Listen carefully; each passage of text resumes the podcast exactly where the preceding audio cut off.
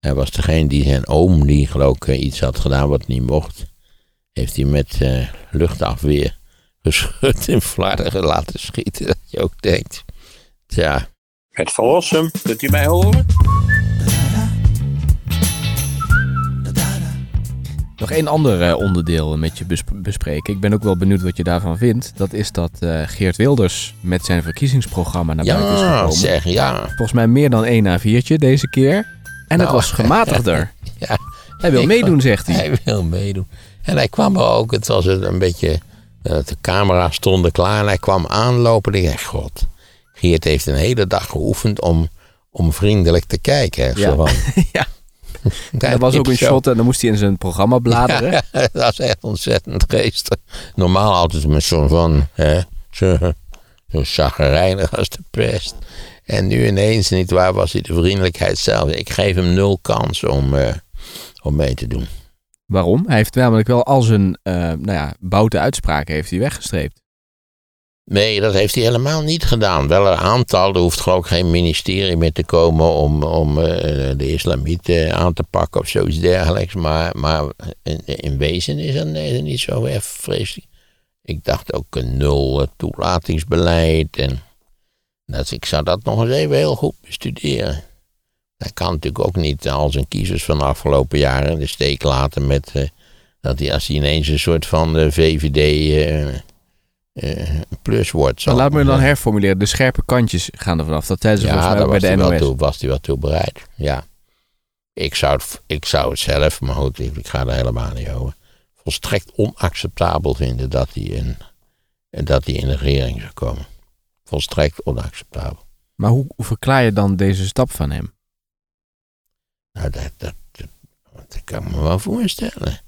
We hebben het al eerder gehad over dat locomotiefje wat op een met gras overgroeid zijspoor staat. En ja, de machinist is, begint op jaren te raken. En zijn Kamerleden lopen weg naar Ja, de ja, BBB. precies. En medestokers die, die zien het ook niet meer zo zitten. En nou ja, hij, hij, hij stookt hem, hij, de, de, de zaak, eh, het, er zit nog een vuurtje in. En af en toe trekt hij aan die fluiten. Ja. Maar dat is het dan ook. En, en hij weet niet hoe hij van dat zijspoor af moet komen. Ik vermoed ook dat de wissels verroest zijn. En dat het, het een hopeloze toestand Maar hij is. zei al, nadat het kabinet gevallen was, zei hij, was hij ook volgens mij bij de NOS te gast. En toen zei hij al van, eh, we moeten nu maar eens al die dingen uit het verleden, die moeten we maar eens achter ons laten. En we moeten maar eens over die onoverbrugbare problemen heen stappen. Kortom, we moeten compromissen sluiten. Ja, goed. Ik, nou ik, laten ze door het programma lopen. Ja, programma, ik weet niet of er überhaupt een programma is. Dat is al de vraag natuurlijk, behalve dan Wilders zelf. Ja, het is toch een eenmansbeweging gebleven in grote trekken. Nee, ik zou gezien de geschiedenis van de PVV, zou ik het onacceptabel vinden. En ik natuurlijk sympathiek van de VVD. Maar ik zie het meer als een, als een, eh, hoe heet het, een eh, electorale strategie dan eh, zo van denk erom mensen. Je hoeft eh, je kunt ook op ons stemmen, want wij zijn zelfs wel bereid met de PVV samen te gaan. dus maar- hij moet wel. De coalitievorming met de PVV is vrijwel onmogelijk. Want wie ook alle andere partijen bezet, ze niet met de PVV wilden. Nou, de, de heeft hem niet uitgesloten. Nee, dat is het enige. Dan ben ik weer gaan hoesten. Ja. Moeten we even stoppen? Nee hoor, ben gek. Ik hoest lekker door. Ja. Ja, ze- je moet ook als bejaarde moet je, moet je weten wat er mogelijk is en wat er niet mogelijk is. Goed. Nee, de VVD is tot nu toe de enige. Ik ben een ChristenUnie, falikant tegen, CDA, falikant tegen. BBB? Omtzigt een falikant tegen, BBB. Nou, dat zie ik ook niet 1, 2, 3 gebeuren. Nee, want dus Jezus Gus kan er nou wel zeggen. Maar ze is de enige. Behalve de rechtse splinters. Die willen wel. En ik begreep dat eh ja 21. ja, een luisteraar, mijn excuses. eh, maar die, die verkoudheid wil maar niet overgaan. En tenslotte raken mijn stembanden geprikkeld. Ja, dat is heel vervelend. Ik heb dat ook eh, eerder dit jaar ook last van gehad. Dat blijft heel lang in je systeem hangen dan. Dan denk je, zo, waar heb ik dit opgelopen? Ja, of je denkt zo, ik ben er vanaf en dan, oeh. Komt het weer terug? Ja, Ja, het kriebelt precies. enorm ook, denk ik. Hè? Ja. In je, in je, eh. Precies. Eh, dus zij is eigenlijk de enige. En, en nou ja, ja 21 bleek mei had ooit op 13 zetels gestaan in afgelopen december. Waar je overigens aan kunt zien hoe de bakens verzet zijn in de Nederlandse politiek. Want die Joost zit er nu eens in eentje, in zijn fractietje. Ja, want die anderen zijn Hij wilde ook niet verhuizen, begreep ik, naar die kamertjes in het tijdelijke ministerie. Eh, overigens vond ik de Tweede Kamer in het tijdelijke ministerie, eh, nee, niet ministerie, tijdelijke Tweede Kamergebouw, vond ik een stuk aantrekkelijker dan, eh, dan de echte Tweede Kamer. Ja, op een of andere manier vond ik de dimensies van de ruimte veel, veel redelijker. Ja, want even voor de mensen die daar niet zo vaak komen. Jij doelde op dat de echte Tweede Kamer verbouwd wordt. Mhm. Dat gaat jaren duren. Dus ze zitten nu om de hoek eh, Ja. in Den Haag in een, in een nieuw gebouw. Nou, nieuw is het Of woord aan niet. nieuw. Het was eh, buitenlandse zaken Ja. ooit. Ik begrijp niet waar die gebleven zijn, maar goed, die, die zitten er niet meer in. Het was ook, vond ik al, ja, we hebben natuurlijk in Nederland relatief veel buitenlandse zaken, maar ik vond het wel een beetje overtrokken, dat gebouw, wat ik er zo van gezien had. Ik wou ook altijd lachen van al die bewakingsmaatregelen. Hè? Ja, het is net alsof je op Schiphol staat. Nou ja, precies. Dat een sluisje. En, nou ja, die, het, waarschijnlijk als je hoest mag je er ook niet in. Het is altijd Ja, nou ja. wat.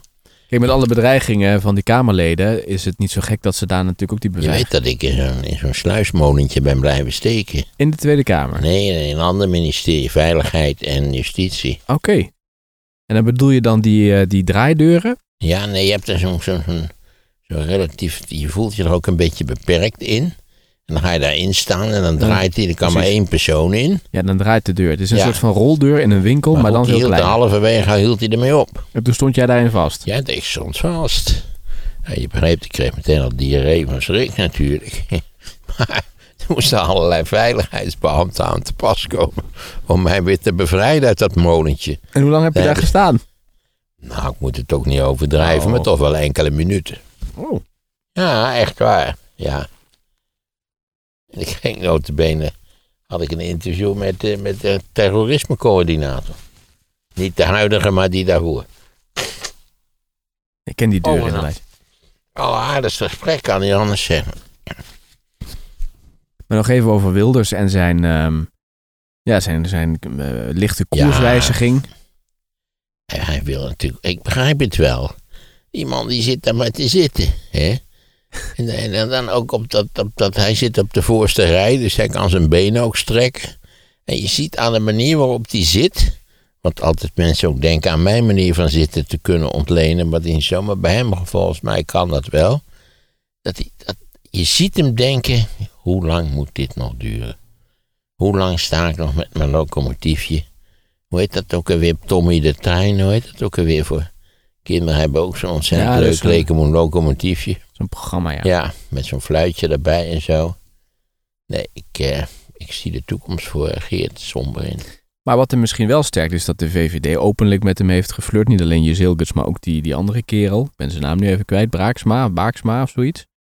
Die eerder in, eh, wat was het, Elsevier een interview had gegeven van... Is dat die nieuwe voorzitter van de partij? Nee, niet die voorzitter. Dat Tweede Kamerlid waarvan jij toen zei, ja, die hebben ze toen vooruitgestuurd om eens eventjes oh, proefballonnetje ja, op te ja, laten. betrekkelijk jonge man. Ja. Precies, ik ben zijn naam vergeten. Die ook dat altijd in de talkshows zit. Ja, mijn indruk was dat is een verkenner. Hè? Denk aan het spel Stratego. Een verkenner die, die moet een balletje opgooien en dan kijken of ze, hoe er in de pers gereageerd wordt. Nou, daar werd eigenlijk vrij dem- eh, eh, deprimerend op, of, of zo je wilt, op die, eh, prettig op gereageerd. Omdat vrijwel alle mogelijke eh, coalitiepartners van de VVD zeiden, daar wij niet aan beginnen. Heel begrijpelijk toch? Ja, als natuurlijk de VVD meedoet aan met de, met de, en met de PVV, dan heb je wel een flinke klont in handen, toch? Ja, maar als je nou kijkt naar de uitdaging die de VVD ook heeft, die moeten die achterban moeten ze tevreden houden. Want die willen toch een strenger beleid op migratie. Ja, Dan kun je de PVV natuurlijk straks wel goed gebruiken, want die willen hetzelfde. ja.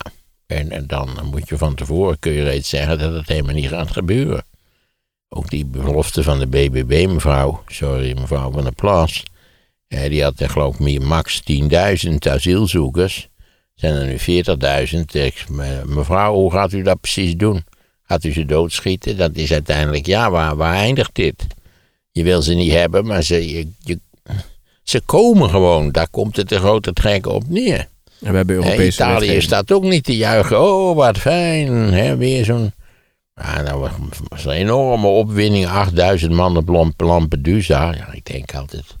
Hoeveel inwoners heeft Europa? 462 miljoen of zo. Die denkt, nou ja, 8000. Hè. Dat zal wel, meelopen. Maar goed, eh, al die beloftes die de partijen op dit punt doen, die slaan nergens op. Al die dingen zijn, zijn, zijn onderdeel van een ingewikkelde systeem van afspraken, van verdragen die we gesloten hebben, beloftes die we gedaan hebben. Die zijn allemaal eh, zijn die juridisch toetsbaar. Eh, het, is, het is veel beloven, weinig geven. Doet de gek in vreugde leven. En als er nou iemand gek is, dan zijn het de meeste kiezers die altijd weer denken dat dat kan, maar dat kan allemaal helemaal niet. Dan was het toch allemaal al lang gebeurd, dat begrijp je toch wel. Dus als we een rechtse regering krijgen die dit plan hebben, minder migranten, en we doen de grenzen dicht, dan krijgen we problemen met Europa. Ja, Nederland. nou eh, meteen al met onze eigen rechters, daar ben ik van overtuigd. Maar dat weet je Zilkes natuurlijk ook wel. Ik weet ze dat. Het is wat al, campagneretoriek, Ja, dat precies. is iets heel, heel, heel, heel anders dan, dan daadwerkelijk beleid. Ja. Er was nog een brievenschrijver die zei van ja, de SP, het programma van de SP, daar moeten jullie eens naar kijken. Wacht, ik moet eventjes je stroom geven. Ja, dat is wel Anders geestig. gaat dat dingetje niet open. Stroom geven, dat is wel. Met, maar dan Ik moet heb ik... wel stroom nodig. Misschien Ah, ik een was met sleutel contactje in mijn neus bouwen of zo. Ja, nee, even wat... eh, de nieuwe accu die het weer doet. Even kijken, nu kun je hem naar beneden doen hoor. Ja, kijk. Oh, dit is jouw nieuwe krachtige accu. Nou, weet ik niet of die krachtig is, maar die oude was helemaal stuk. Wil je de andere kant ook of hoeft dat niet? Nee, zo goed zo. Heb je dat gezien nog, die reactie van die mevrouw die zei van het... Of meneer, ik weet niet wat de... de Ja, een aantal punten, eh, zeker ook op het punt van de toeslagenaffaire, heeft de SP een glansrol gespeeld. Alleen dat Kamerlid is eh, vertrokken. en had- geleid. Ja, ja, dat we gezien natuurlijk. En eh, ik, ben gaarne bereid de SP op een aantal terreinen hoog te prijzen. Alleen het probleem met de SP is dat ze, dat ze ja, wat zal ik daar nou van zeggen? Dat, dat er ergens in de ziel van de SP nog een soort, soort eh, idee leeft dat ze met niemand. Ze willen, ze willen niet in een linkse coalitie gaan zitten, waarom niet? Sterker nog, de laatste keer dat Timmermans eh, dat, dat die zaak deed met die Europese politiek, hadden ze een ontzettend kwalijke anti-Timmermans campagne. Wat is nou voor kortzichtigheid? Hè? Dat is echt flauwekul. En dan natuurlijk op, ten aanzien van Europa een standpunt, wat in ieder geval voor mij, hoe, hoe positief ik misschien andere dingen zou kunnen zien, volstrekt onacceptabel is. Hebben zij duidelijk gemaakt in welke coalitie ze dan eventueel wel plaats willen nemen? Nou, volgens mij eh, willen ze in geen enkele coalitie plaatsnemen. Hmm. Dus ze hebben zich Is ook mijn indruk. Is mijn indruk. Dus het is een soort van PVV, maar dan op rechts. Of op links, sorry. Ja, een soort van is het wel. Ja, dat denk ik wel. Ze worden kleiner en kleiner en kleiner. Dus ja, tenslotte, je ziet dat. Hè? En dan ineens, ploep, zijn ze weg. Dat ze natuurlijk groot zijn geworden in een totaal ander tijdperk. Namelijk in het paarse tijdperk. Toen natuurlijk ter linkerzijde en ter rechterzijde ruimte ontstond eh, in beide verkiezingen in Nederland. En rechts is dat eh, Fortuyn en zijn konuiten geworden. Ongelukkigerwijze. Ja, ik was dolblij met paars, maar daar zie je aan. Hoe is het ook alweer? Het ergste wat je kan overkomen is dat je, dat je wensen vervuld worden. Zoiets toch? En links eh, kwam er natuurlijk ruimte. Daar toen Jan Marijnis eh, is daar groot in geworden. En Jan Marijnis was natuurlijk iemand met een enorm charisma. En een, agressieve en bekwame debater. die heeft dat goed gedaan. En toen heeft, ik denk dat dat voor de laatste keer dat de SP gebloeid heeft, dat was met, eh, eh, hoe heette die, een door sympathieke man ook weer, die nu burgemeester van Heerlen is. Of, Emiel Roemer. Emiel Roemer, precies. Hij is commissaris van de Koning zelfs. Ah, precies. Nou, ik gun het hem van harte, eerlijk gezegd. Ook een beetje daar in die, in die dorpse contraien. Ik gun het hem van harte. Volgens mij was daar ook de redenering achter. Er zat altijd CDA, was daar aan het bewind. Laten we nu eens iemand pakken van een totaal andere politieke Ja, partij. geheel terecht. Gezien de oplichterspraktijken van het CDA ter plaatse. Die allemaal door Remkes opgeruimd moesten worden, begreep ik. Ja, hadden tijd niks van Remkes gehoord, jammer genoeg. Eh, misschien een idea, nee. Wat wou ik ook alweer gaan zeggen? Ja, Roemer die heeft nog gescoord in de, in, in de zomer van 2012. Toen zeiden ze nog, hij wordt de Stond hij grootste. nog op 38 zetels of zo. En, en, en toen kwamen die debatjes en eh, het verrafelde. En hij viel terug naar 15 of zo, wat ze, wat ze toen ook al hadden. Ja, dat is heel tragisch allemaal. Kijk, als je natuurlijk 38 zetels scoort, dan moet je wel. Dan moet je wel, dan ben je wel een echt serieuze coalitiekandidaat. Maar ja, tenslotte is dat ook niks geworden. Het zou mij ontzettend verbazen als de SP zich nog weer zou weten te herstellen. Ik denk dat de rol voor de SP is toch om vooral lokaal nuttige dingen te doen. Dat is ook, dat is ook belangrijk. Dat je op gemeentelijk of desnoods provinciaals niveau een, een, een praktische politiek voert waarbij mensen echt daadwerkelijk geholpen en zo kunnen worden. Ja, kijk naar de Verenigde Staten, ja, wij kijken altijd naar, de top, Washington, maar Amerika bestaat van een heel belangrijk gedeelte uit lokale politiek, statelijke, po- statelijke politiek, stedelijke politiek enzovoort. Maar dat vergeet je vaak natuurlijk. Is dat vergelijkbaar met zoals wij hier de gemeente zo kennen? Nou, de staten natuurlijk eh, zijn te vergelijken met onze provincies, maar onze provincies hebben niet veel te vertellen. Maar de staten hebben wel veel te vertellen in de Verenigde Staten. Al was het maar omdat ze natuurlijk allemaal twee zetels in de Senaat hebben. Ja. En hoe vind je dat het bij de Partij voor de Dieren voorlopig is afgelopen? Ja, dat is nog niet afgelopen, begreep ik. De kabouters ruzieën lekker door, toch? Ja, zo, zo maar kut. Ouwehand is wel weer terug. Ja, ja, oude hand is weer terug, ja. Ja, dat hadden natuurlijk wel een gelukje met college toe, dat ze net precies een van de kabouters van de ruziemaakpartijtjes hadden, hadden gerecruiteerd. Ja, wat zal ik ervan zeggen? Ik, eh, ik, ik ben ervan overtuigd dat de dierenpartij dit wel gaat overleven, deze incidenten. Maar ik hoop wel dat er bij de verkiezingen een flinke opruiming eh, onder de kleintjes zal worden gehouden. We hebben er niets aan gehad. Dus huppakee, weg daarmee. Er was er nog een andere eh, theorie dat we nu een soort van periode kennen die we in de geschiedenis al, in de recentere geschiedenis ook hebben gezien. Namelijk na Fortuyn, na zijn moord, was de Nederlandse kiezer ook redelijk ja, in de war. Op wie gaan we nou stemmen? En daar heeft toen Jan-Peter Balkenende van geprofiteerd. Er zijn mensen die vergelijken die periode van toen ook waar we nu in zitten. Nou ja, als je dan eh, als je denkt dan aan, aan Balkenende, was natuurlijk een echte CDA. De CDA heeft geweldig gescoord en, en tenslotte is ook de CDA gesneuveld natuurlijk in, in het regeren van Nederland. En wel op een zodanige manier dat een groot deel van de kiezers er niet erg tevreden mee was. Nou ja, dat is eh, beroerd afgelopen. En toen heeft het CDA, denk ik, dat, op dat moment was dat nog wel reparabel. Je ziet Balken en die trap afgaan op dat. Hè, en die hij was al enorm aangeslagen volgens mij. Hij had niet gedacht dat het zo erg zou zijn, de slachting. En toen hebben we natuurlijk Buma gekregen. ja, Ja, en Buma had een zonderlinge ambitie dat de CDA moest rechts van het Ja, eh, ja. VVD gepositioneerd worden. Nou ja, ik heb al meerdere malen de luisteraars aanbevolen om die volkomen geschrifte lezing van Buma in de Rode Hoed, of wat Ah, was de- het, de de HJ HJ schoollezing. ja. In het algemeen is de HJ schoollezing werkt niet erg op de intelligentie van degene die je moet houden, is mijn indruk. en het zijn ook altijd rechtse politici hè, die hem houden. A.J. School was rechts op een moderne manier. Nou Ja, voor velen een inspirerende figuur in de tijd. Wat voor figuur was het? Ja, ik denk dat H.J. School was een van de eerste Nederlandse journalisten. En hij was een goed geïnformeerde journalist die veel gelezen had. Volgens mij had hij ook, was hij tijdelijk in de Verenigde Staten geweest. Ik weet niet precies hoe het zit. Ik doe dit een beetje uit het hoofd en zo. Eh, Hij had wel iets charismatisch. Hij zag er ook wel een beetje charismatisch uit. En hij was een van de eerste, denk ik, moderne conservatieven in Nederland. Kijk, je hebt, het, je hebt de Twitter-conservatief. Alles moet weg. Het is één grote samenzwering. Hè? Eh, meestal levensgenieters met zo'n pilotenbril op dat werk. En je hebt natuurlijk ook, daar heb ik al eerder heb ik daarvoor gepleit. Laten die conservatieven dat ze er zijn, dat begrijp ik allemaal wel. Maar laten ze nou eens een intelligent programma in elkaar timmeren. En ik denk dat School het soort persoon was die dat had kunnen doen. Maar hij is heel jong gestorven, tenslotte, weet ik veel, hij is al twintig jaar dood of zo. Hm. Ik weet het niet precies, maar... Ander onderwerp wat we vaak eh, besproken hebben hier staat uh, nu ook in de nieuwste editie van de Maarten Centraal, zelfs op de voorpagina, immigratie. En daar staat dan bij, immigratie is niet te stoppen. En dat is wel zo doorgeschreven met zo'n kruis. Het asielbeleid moet realistischer, staat er. Ja, zo is het maar net.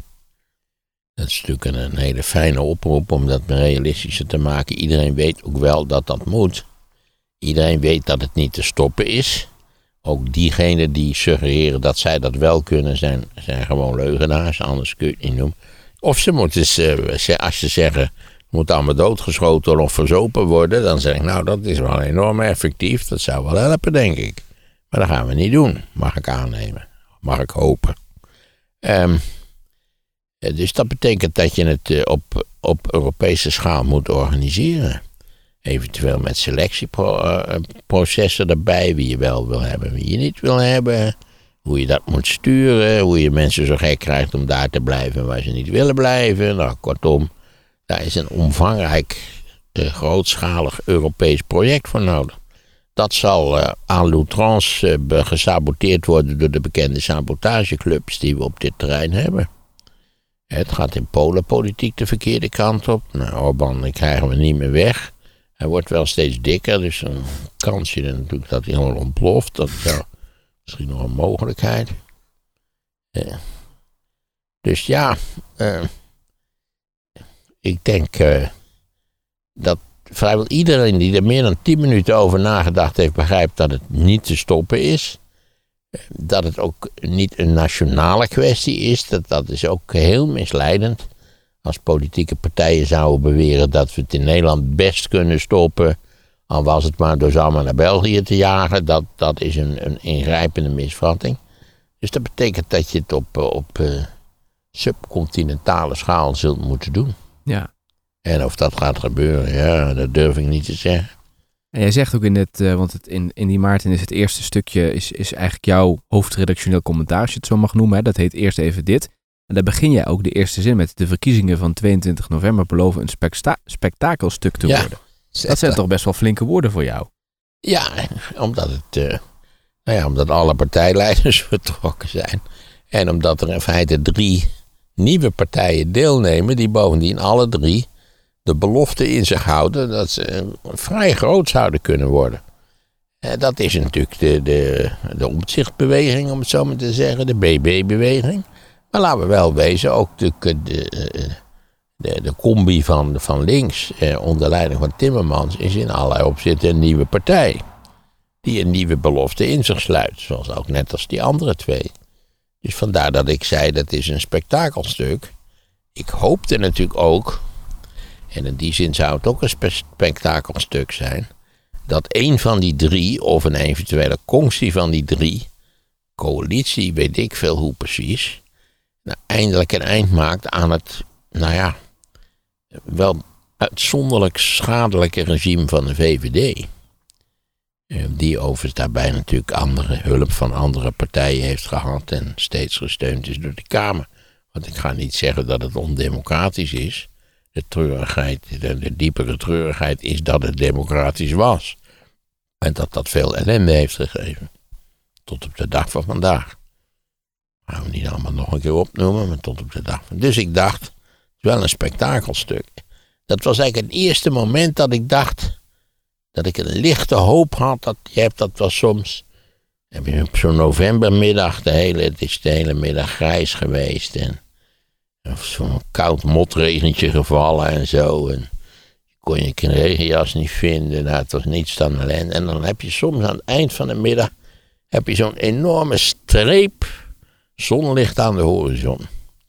En dat, ik dacht ineens, dat is een streep zonlicht aan de horizon dat we even verlost kunnen worden van de VVD. Sorry VVD. Eh, de ideeën waren niet eens zo slecht. Het is de uitvoering die echt penibel slecht geweest is. En het voordeel is dat er nu alternatieven zijn waar mensen op Ja, daarom, daarom zag ik een spektakelstuk. Maar, maar wel, wel... Geef toe dat het uit een soort van... Ja, je weet dat ik van nature een enorme optimist ben. Dus ik dacht, wie weet, eindelijk kunnen we, worden we verlost. Ja, maar die alternatieven hebben zich nou, BBB begint zich een beetje te bewijzen, maar uh, Omzicht heeft zich als persoon bewezen. Maar die partij kennen we natuurlijk helemaal nog nee, niet. Nee, maar vergeet niet, Omzicht is in feite toch de concentratie, het geconcentreerde product van de toeslagenaffaire. En, en dat, daar gaat in feite die hele fraude. Ja. Maar hij heeft zich Eh, toch ook wel op enquête andere punten over- laten horen. Wat? Hij heeft toch ook wel veel meer dingetjes geagendeerd. Ja, maar dit is de manier waarop hij de nieuwe Jezus geworden is. Ja, oké, maar En dat vind ik, hoe gek dit ook klinkt, ook wel een beetje. Iemand moest de, de concretisering zijn van, van die ontzettend scheve schaats. maar dat die was Renske ook. hebben. Maar die is, die is weg. Ja, die, die is vertrokken. Die had ik allerbeste gegund.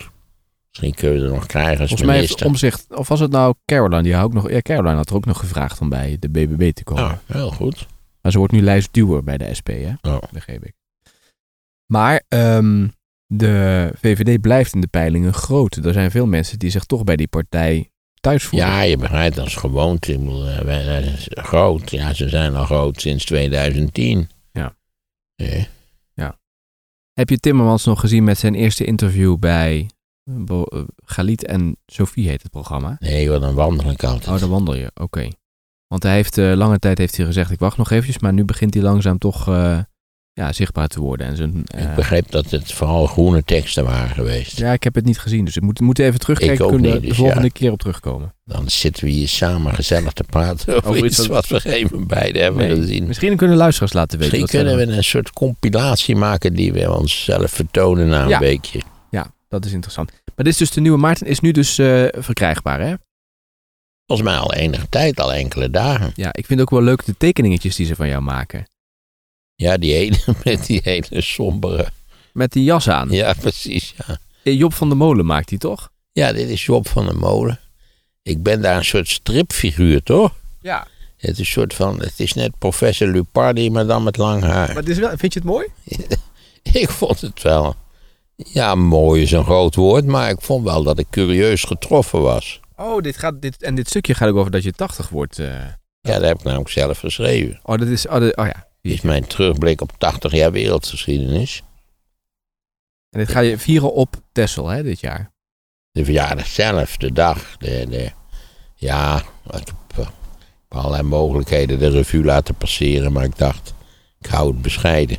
Want er waren, had nog, ik de meeste zin in om het bescheiden te er houden. waren nog luisteraars die eh, vroegen van... Ja, kunnen we eh, kaartjes of bloemen sturen? Maar ik weet, Oh, helemaal, dat is ook wel. ik weet helemaal niet of je dat wil, of je dat leuk vindt. Nee, als, als, eh, wij staan altijd in de Frans Halstraat. Opmerkelijk is dat we. We hebben ooit wel eens iets gehad dat er geen parkeerruimte was. Moesten we, ja, klopt. Toen moesten we ietsje verderop parkeren. En dat ze hier aan de weg aan het werken waren, of aan de stoep. Oh ja, Was er we hebben, hebben drie keer de stoep open gehad in, in vier jaar. Toen we stonden met zo'n drillboor stonden ze hier naast die auto. Ah, maar je ziet dat in het algemeen kun je hier parkeren. Ja. Zoekt u een leuk kunstwerk uit, een leuk schilderij. Daar ben ik heel gevoelig voor. Mijn zuster Zaliger die had een hele leuke gewoonte met, eh, hoe heet het, met e-mailen. Ik ben ook veel meer een e-mailer dan een WhatsApper en wat je, wat je verder nog hebt. Want altijd onder haar e-mail had ze altijd een leuk schilderij staan. Oh, leuk. Ze had ook een prima gevoel voor wat ik mooi vond. In grote trekken wat zij ook mooi vond. Al deze vaak voor de, voor de camera. Nee, moet ik natuurlijk moet niet gaan roddelen. Maar voor de camera zei ze vaak dat ze abstracte kunst en zo. Dat ze dat ook heel leuk en interessant en belangrijk vond. Maar ik denk dat wij allemaal toch zo door onze vader zijn beïnvloed op het punt van het kunst kijken. Dat, eh, nee, ik, ik, ben, ik, ben ook, ik, ik ben ook licht gevoelig voor de charmes van Pollock. Maar het is ook oplichterij, sorry. Moet het misschien een keertje over hebben. Als we een volgend kunstwerk bespreken. Dat gaan we ook doen trouwens. Nog één puntje uit de actualiteit, namelijk ehm, Kim Jong-un in eh, Rusland. Ja, dat was weer wat een vreselijke jongen is het toch eigenlijk. Hè? Oh, jij Ja, door. ja, Kim Jong-un. Ja, Kim. Jong-un. Ja. Nou ja, ik denk dat hij ondertussen ergens in de dertig is geworden of zo. Nou ja, het is... eh, en, en eh, volgens mij kon je aan Poetin zien dat hij elke keer dacht dat ik toch met deze druileoer niet waar op de plaat moet worden gezet. Ik hem ook nog een hand moet geven met hem met me rond moet lopen. Alleen omdat hij meer munitie in de pakhuis heeft liggen dan, dan ik. Dat, althans, dat was mijn indruk. Ik bedoel, het is natuurlijk wel de gek van Sans Huis, die, die Kim Jong-un. Ze hadden flink uitgepakt, hè, van varens en, en rode lopers. Ja. Hij was degene die zijn oom, die geloof ik iets had gedaan wat niet mocht, heeft hij met uh, luchtafweer geschud in Vlaardingen laten schieten. Dat je ook denkt, tja, kan ik op een of andere manier dat ook zo'n familie niet al lang eruit gebonjourd is daar in Noord-Korea. Wist je dat Noord-Korea oorspronkelijk het welvarende deel van Korea was en Zuid-Korea was het achtergebleven agrarische sukkeltje van Korea? En kijk wat er gebeurd is. Hij heeft toch alles eerder geconstateerd. dat, we, dat we een aantal fantastische experimenten hebben gehad in de recente geschiedenis. Waarbij een, een identiek land in tweeën werd gedeeld. Door omstandigheden, die stomme elkaar oorlog. En dat je dan dus kunt zien wat de effecten van die systemen zijn. En dat je honderd slechte dingen kunt verzinnen over het kapitalisme. Alles wat je maar wil, daar kunnen we een hele middag over doorzuren. Maar je moet constateren dat na een halve eeuw of vrije markt of eh, georganiseerd door een communistische beweging, dat die vrije markt wel vrij eh, evident te verkiezen valt. Wat is nou de reden, want jij zei al van uh, hij heeft meer munitie in die pakhuizen liggen. Poetin is natuurlijk op zoek naar nieuwe bondgenoten om een front te oh, ja, want hij heeft natuurlijk niks aan een bondgenoot. Ik bedoel, althans, uh, geografisch heeft hij er niks aan. aan Noord-Korea bedoel je? Iedereen weet dat Noord-Korea natuurlijk door een gek gerund wordt. En dat Noord-Korea vooral een doodarm, bang, ja, een soort paranoïde vogeltje is. Wat, wat alle denkbare moeite doet om geen eitjes meer te leggen, maar zoveel mogelijk volkomen nutteloze raketten en atoombommen te bouwen. Maar ja. Maar wat is dan de reden eerder, deze? Ik heb al eerder bepleit om, om Noord-Korea een, een soort apart, uh, aparte status te geven. Namelijk uh, tot welke totale waanzin politiek kan leiden. Uh, en dat we ze dan voorzien van energie en voedsel en daar hoeven ze dan geen moeite voor te doen. En, maar dat er dan wel busreizen worden georganiseerd naar Noord-Korea, zodat iedereen kan zien, nietwaar, wat, wat, de, wat politieke waanzin kan bewerkstelligen. Ja, ik heb je dat ooit wel eens verteld, toch? Dat ik een keer heb onderzocht om daar uh, op vakantie te gaan in Noord-Korea. Ja, dat is ook wel een heel, heel raar idee, toch? Ja, ik vond dat wel, dat is een soort van openluchtmuseum daar. Ja, dat, ja uh, het is een openluchtmuseum van de waanzin, dat ja. is absoluut waar. Ja, maar ik zou dat met een vriend doen en um, zijn vriendin vond het toch niet zo'n goed idee. Want ze was toch wel bang dat als je daar iets verkeerds doet, dat je ja, daar dan vast nou, Een hele verstandige vriendin, hè. Want je hoeft maar over zo'n vlag te struikelen en je wordt, krijgt 25 jaar strafkamp. Ja. ja. Er zijn meerdere van die Amerikanen die ook zo'n beetje met van die varen. Ik wil het ook wel eens zien en hoe zit het in elkaar en zo. Maar er staan op, uh, op het internet staan er verschillende reisverslagen van mensen die het dus wel hebben gedaan. En die omschrijven het vrij gedetailleerd. Volgens mij ga je vrijwel altijd met de trein vanuit China Vanuit China worden ze volgens mij ook georganiseerd, die reizen daar naartoe. En volgens mij is Floortje Dessing of iemand van dat reisprogramma van de publieke omroep ook wel eens een keer daar naartoe gegaan. Wel interessant om te zien, want je, je mag eigenlijk nergens, je mag alleen maar naartoe waarvan zij zeggen, hier mag je komen. Ja, ja, ja, het is een, uh, ja god, dat zal ik zeggen, het is, het is zelfs, het is meer dan een politiestaat, het is, het, het is de strafgeorganiseerde waanzin, dat is het ja, eigenlijk. Ja, maar wat heeft Poetin dan aan dit bezoek? Wat wil hij daarmee bereiken? Dat hij die, die munitie krijgt? Ja, dat denk ik wel. Ik denk dat, uh, dat het gewoon een heel praktische hmm. oorzaak heeft. Maar moet je daar dan zo'n enorme ja, bijeenkomst voor organiseren? Ja, dat denk ik wel. Omdat die dikke jongen, die vindt dat leuk, denk ik.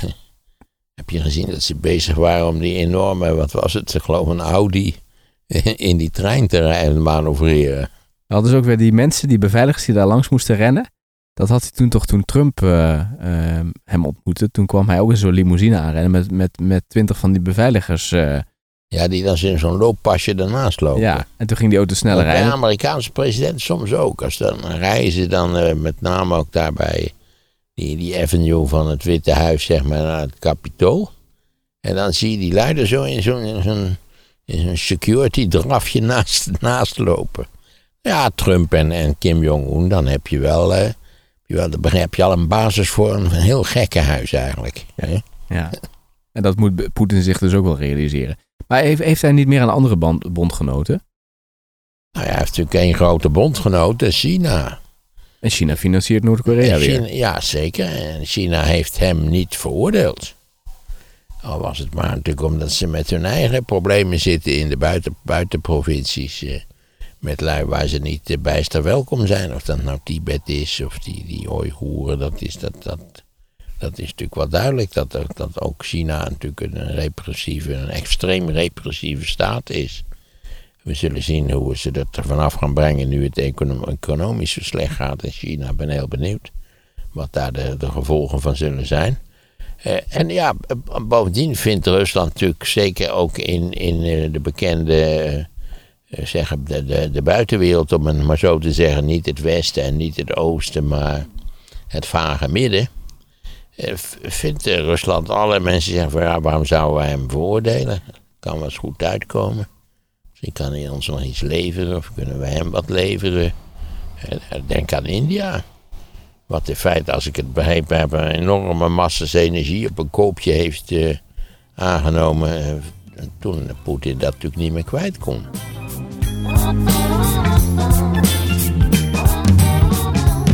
Die dikke jongen die vindt dat leuk, denk ik.